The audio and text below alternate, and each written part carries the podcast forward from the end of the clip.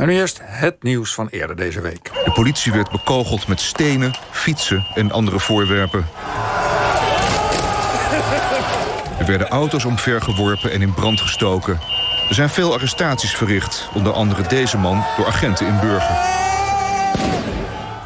Ja, Eindhoven was dit, maar ook in heel veel andere steden. De avondklokrellen van afgelopen week waren ongekend grimmig.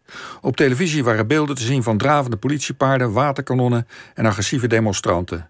Het waren de meest gewelddadige rellen sinds 40 jaar, zo werd gezegd.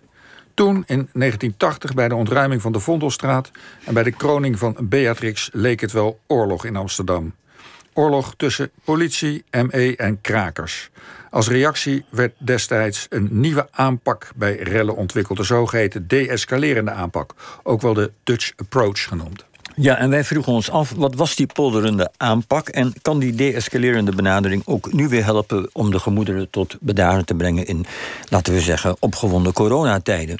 Om die vragen te beantwoorden bij ons Ton Koenders, voormalig chef bureau bewaking en mobiele eenheid in de jaren 80 als hoge politieman betrokken bij de aanpak van de krakersrellen en vanuit zijn huiskamer in Hengelo Overijssel praat politiehistoricus Guus Meershoek mee. En Guus werkt al, geloof een tijd aan een boek over de politie en de rellen vanaf begin jaren 80.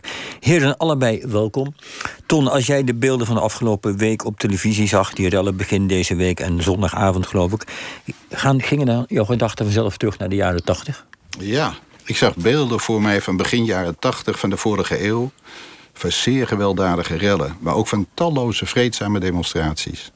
Ik zag ook de wijzer op supportersbegeleiders van de politie, de voetbalsupporters begeleiden in een, in een uit- en thuiswedstrijden. En dit werkte echt de-escalerend. Bij de zeer gewelddadige rellen in 80, 81 en 82 werd zeer veel geweld gebruikt en enorm veel vernielingen gepleegd. Wie ziet nog de barricades in de Vondelstraat? De tanks die de stad binnenreden. De verbrande tram in oktober 82 naar de ontruiming van de Lucky Luik. Op 30 april de motorrijders die daar in de brand gestoken werden. Of tenminste de motoren. Er werd tijdens die rellen onder meer met straatstenen gegooid. Ook vanaf daken.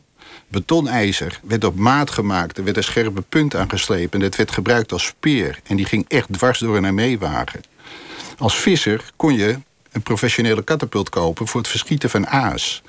En die werd ook door krakers gekocht. En hiermee werden kogels uit kogellagers ter grootte van een grote knikker geschoten. Dat was echt levensgevaarlijk. Ja, Ton, je, je, je vertelt wat er allemaal gebeurde. En uh, het, is niet alleen je herinnering, maar je hebt het ook even over, over nagedacht, zo te horen. En, en, en je vertelt het. En, uh, prima. Dus die, dat zijn beelden die jou bekend voorkomen. Alleen het, het was toen nog erg, als ik jou zo hoor.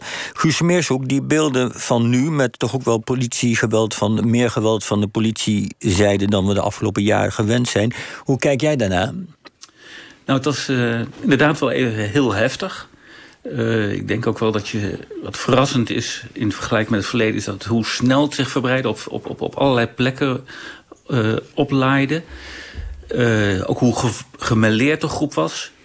dat maakte voor de politie natuurlijk heel lastig om er greep op te krijgen. Maar ik denk eigenlijk wel, als je kijkt dat zeker het vergelijk met het verleden... dat uh, deze week de politie er vrij snel greep op kreeg. Vrij snel, ja, als het ware, de vorm vond om uh, er adequaat op te reageren.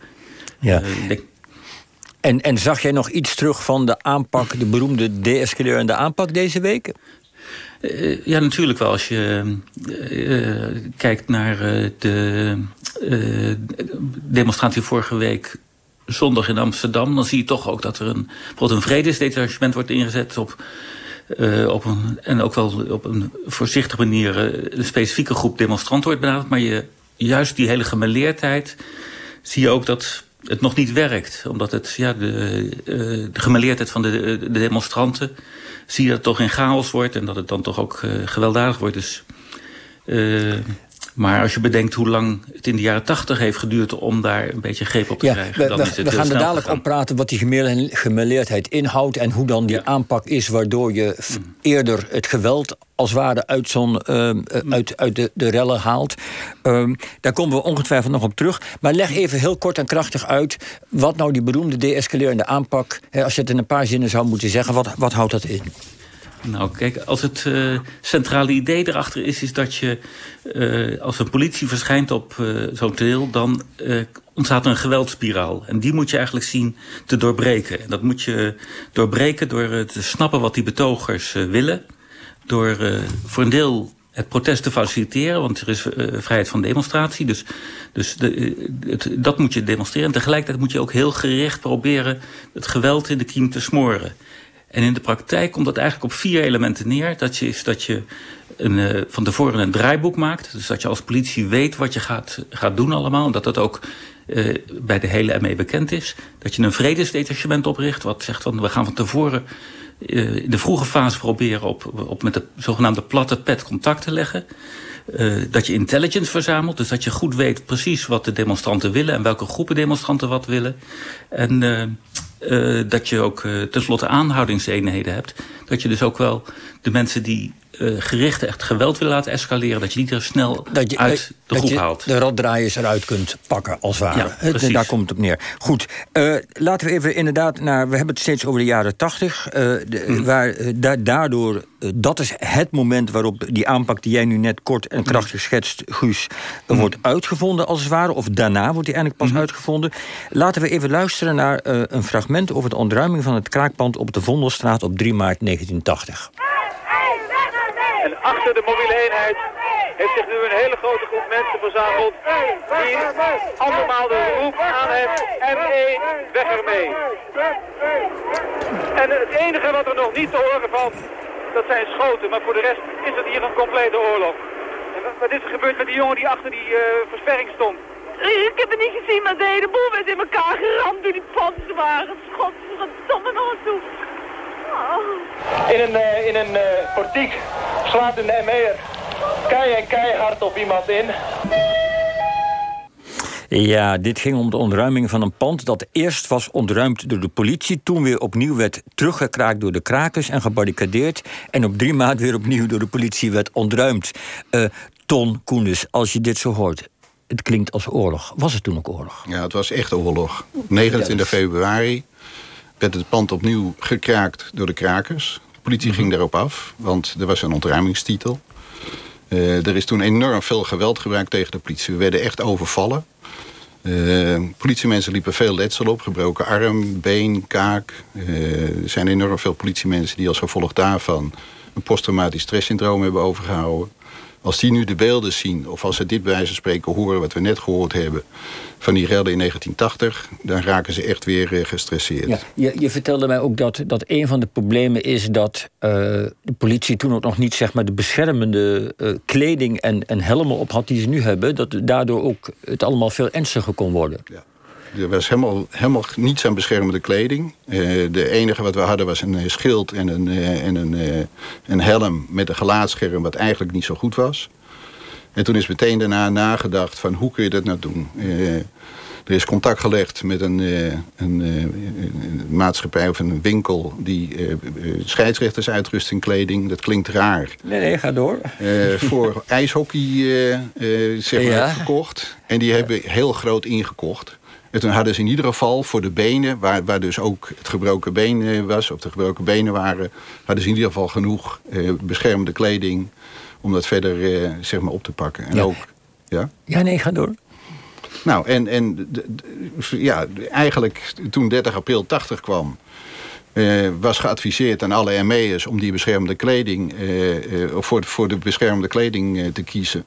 Amsterdam was eh, uitgerust eh, met die beschermde kleding. Eh, de politie Amsterdam. En die konden op dat moment toch wat meer ja, stenen, zeg maar, ja, weerstaan. Meer stenen verdragen dan doorgaan. Maar, maar was er nou een moment dat, dat he, na de krakersrel op de Vondenstraat... na, na Koninginnedag uh, 1980, dat jullie dachten... en dat jij ook zelf dacht, ja, maar kijk eens... wij plegen zelf geweld omdat we niet anders kunnen... of weet ik veel, omdat we een opdracht krijgen om de boel te ontruimen en tegen te houden. We krijgen veel geweld tegen ons toen we, moet het misschien anders? Was er een moment dat jullie gingen denken, jij ook ging denken... Hey, moet dit langer zo? Moet het, kan het anders? Nou, in de loop van 1980 eh, hebben we daar inderdaad over nagedacht. Elke maand hadden we een grootschalig optreden. Dat kon gewoon zo niet doorgaan. En toen is nagedacht. Maar ook vanuit de kraakwereld werd nagedacht. Want er waren ook krakers die zeiden, zo kan het niet langer. Mhm. werd nagedacht om te kijken van hoe kunnen we op een andere manier...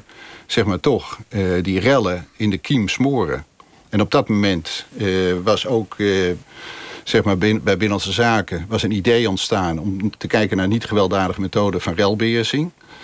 En toen is Dijkhuis, eh, die heeft daar een rapport over geschreven. Nou, en, en, en dat liep in elkaar over. Dat wij dus bezig waren na te denken van hoe kun je gewelddadig eh, of geweldloos, zeg maar toch, rellen in de kiem smoren. Ja, en, en, en, en dan komt er een rapport, je noemt de naam al, van een, meneer Gerhard Dijkhuis, geloof ik. Eh, ik kijk ook even naar Guus. Guus ziet mij niet, maar Guus zit in Hengelo achter... en is voor de camera, die mensen die meekijken, goed te zien. Guus, kun jij even uitleggen die, die, die polderende aanpak... en dat rapport van Gerhard Dijkhuis? Het heeft een prachtige titel, geloof ik, niet bij Steen en Stok alleen of zoiets.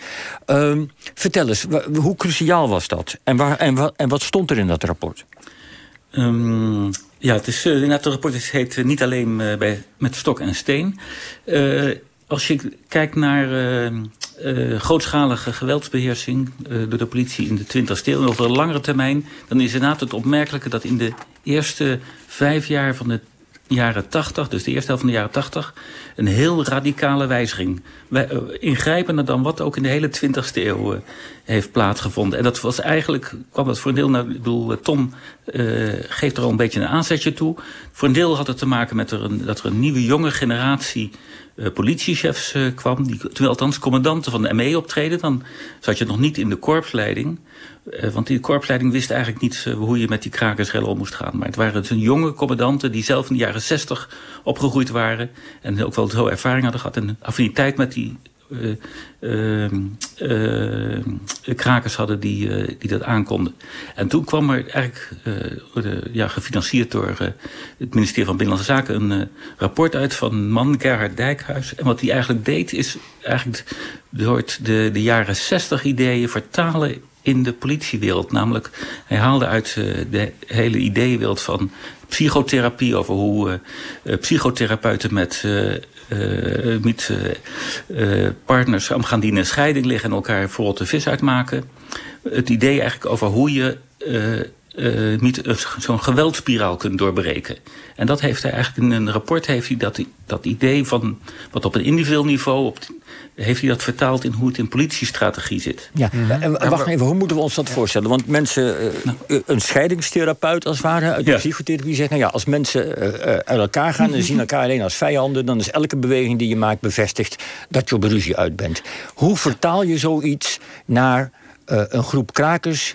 Die eh, militantes en politie die een boel moet ontruimen. Hoe doe je dat? Eh, Ja. Een gezellige Nou. sfeer scheppen van tevoren? Of hoe, hoe doe je zoiets? Nou, eh, dat is dan precies ook weer het werk van Ton en van een hele reeks collega's uit het land van diezelfde generatie geweest. Die hebben gezegd: dit moet je vorm gaan geven, dan natuurlijk institutioneel. Dat zeggen, je moet een soort vaste staf met, eh, eh, met eh, jonge politiecommandanten hebben die gewoon overal in het land dit soort problemen aanpakken, omdat ze ervaring hebben. Die moeten een draaiboek maken, die moeten niet speciaal aanhoudingseenheden gaan, gaan trainen om eh, die eh, gewelddadige mensen die het geweld willen escaleren uit die groep te halen.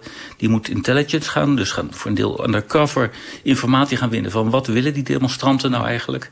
Ehm, die vredesdetachementen gaan trainen, gaan zorgen dat je met een platte pet. Dus bedoel, dat is ook weer de. bedoel, die Gerhard Dijkhuis heeft eigenlijk waren het, het geniale idee van het doorbreken van die, die geweldspiraal eh, geleverd. En mensen als Ton en eh, eh, Wiet eh, Peter IJzerman, uit, eh, eh, die hebben gezegd van dit gaan we vertalen in, in, in ja, een politieorganisatie. Ja, maar, maar zat het niet ook in uiterlijk vertoon? Want eh, Ton, ik kan me voorstellen dat, dat in die tijd eh, op, op niet alleen op, op krakers, maar bijvoorbeeld ook op, op voetbalsupporters. Dat als, eh, als ME in volle uitrusting verscheen met helmen en stokken en schilden eh, helemaal ingepakt, dat dat ook eh, als een soort rode lap op een stier werkte. Ja.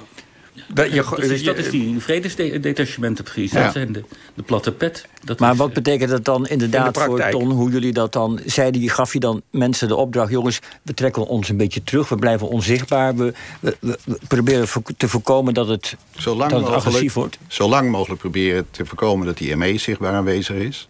Maar wel op dat moment, en dat waren dus getrainde politiemensen... die meestal, veel wijkagenten... die goed eh, eh, eh, konden praten met mensen...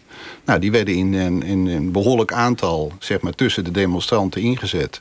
En die probeerden dus het contact te maken. Ja, nu meen ik ook te weten, vaag te herinneren uit de beelden van de jaren tachtig... dat bij een ontruiming in de maand december... zelfs een politieman als Sinterklaas verkleed hielp. Of hoe, hoe, hoe was dat weer eens? Nou, er was een commandant die dacht van... het kan wellicht deescalerend werken... als wij met die hoogwerker als Sinterklaas en Zwarte Piet uitstappen. Ja, het was, het was natuurlijk heel grappig. En heeft het het was, geholpen?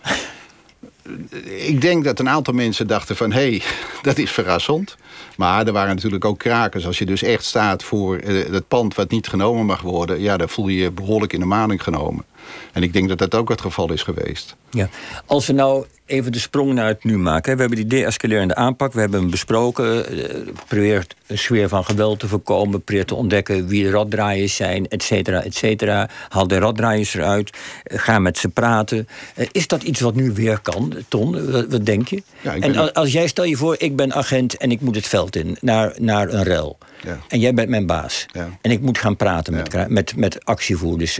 mensen die boos zijn vanwege corona. Wat is dan de eerste zin die jij me aanraadt te zeggen? De eerste zin? Gewoon voorstellen, ik ben Tom Koenders. Oké, dus ik zou... me- Oké, En, en, en behandel iedereen zoals je zelf behandeld wil worden. En spreek iedereen aan zoals je zelf aangesproken wil worden. En- En, en- en, dat helpt. ja. en, en denk je dat die aanpak nu weer Ja, ge- ge- gebruikt moet worden? ja, ik ben er helemaal van overtuigd dat het zo eh, moet. Ik, Guus, ik- heb, heb jij daar nog iets aan toe te voegen, Guus? Eh, Nou, kijk, het, het, is ook nog steeds de kern van het, eh, het huidige optreden. Alleen het punt is met eh, geweld, dat is iets onvoorspelbaars. En dat is iets moeilijk te beheersen. Dus ik bedoel, de, de kern van het politiewerk is geweldsbeheersing. En eh, dat, dat blijft altijd heel lastig. Dus je zal altijd krijgen dat het toch perfect lukt. Natuurlijk nooit. Ik bedoel, eh, Goed, de, de perfecte wereld bestaat niet. Ook niet bij politieoptreden. Guus Meershoek en Ton Koenders, dankjewel voor jullie toelichting.